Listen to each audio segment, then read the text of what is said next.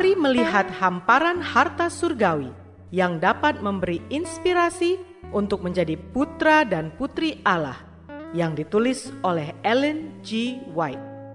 Melalui renungan pagi ini, kita akan mempelajari nasihat yang menguatkan dan memberi semangat untuk memperbaiki karakter kita. Bersama Mana Multimedia Ministry, selamat mendengarkan.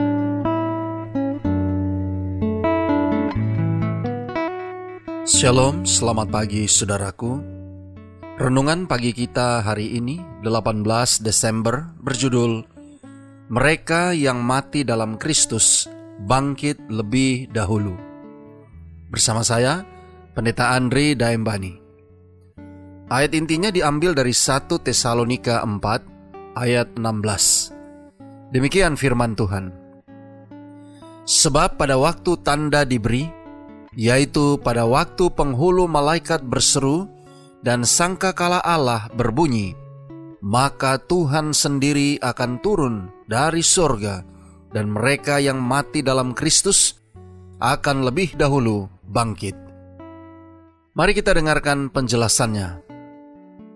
Sang pemberi hidup itu akan memanggil milik tebusannya pada kebangkitan yang pertama, dan hingga saat kemenangan itu, ketika sangkakala yang terakhir berbunyi dan tentara besar keluar untuk kemenangan kekal, setiap orang saleh yang tidur akan disimpan dengan selamat dan akan dijaga sebagai permata yang indah yang dikenal oleh Allah dengan namanya. Oleh kuasa juru selamat yang diam di dalam mereka ketika mereka masih hidup, dan oleh sebab mereka adalah orang yang beroleh bagian sifat ilahi, mereka dibangkitkan dari antara orang mati. Saatnya akan tiba, kata Kristus, bahwa semua orang yang di dalam kuburan akan mendengar suaranya Suara itu akan bergema di seluruh tempat kediaman orang-orang mati. Dan setiap orang saleh yang tidur di dalam Yesus akan bangkit dan meninggalkan rumah penjaranya. Kemudian, karakter indah yang telah kita terima dari kebenaran Kristus akan menyatukan kita dengan kebesaran sejati dari kekuasaan tertinggi.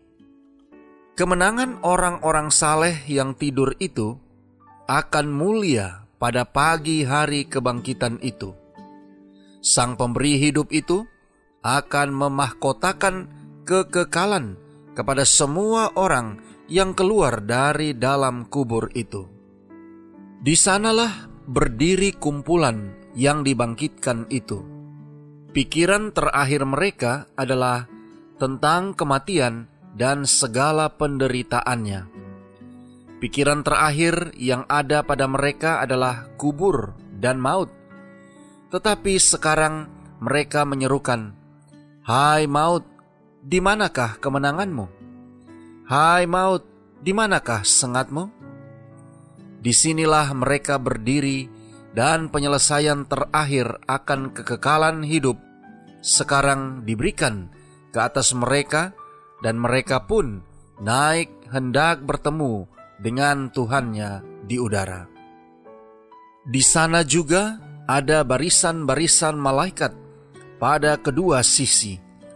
Kemudian paduan suara malaikat membunyikan nada kemenangan, dan malaikat-malaikat yang di dalam kedua sisi barisan itu menyambut nyanyian itu, lalu kumpulan tebusan itu turut menyanyi seolah-olah mereka telah menyanyikan nyanyian itu di bumi, dan memang mereka pernah menyanyikannya.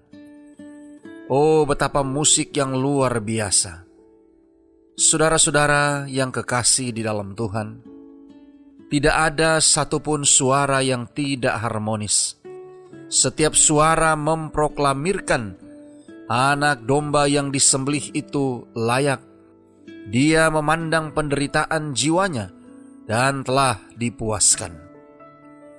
Doa kita hari ini. Bapa terima kasih.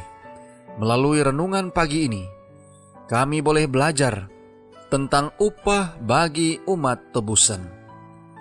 Terima kasih melalui renungan pagi ini, kami boleh belajar bagaimana orang-orang yang mati dalam Kristus akan lebih dahulu bangkit. Tolong kami hari ini Bapa, biarlah dengan pertolongan kuasa roh kudusmu, kami boleh dapat disanggupkan menghidupkan firman yang sudah kami dengarkan, sehingga kami tidak perlu takut menghadapi hidup ini oleh karena jaminan keselamatan yang Tuhan akan berikan bagi kami. Terima kasih Bapa.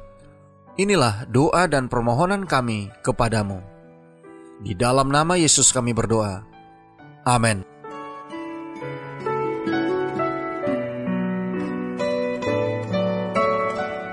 Demikianlah tadi pembahasan tentang menjadi putra dan putri Allah.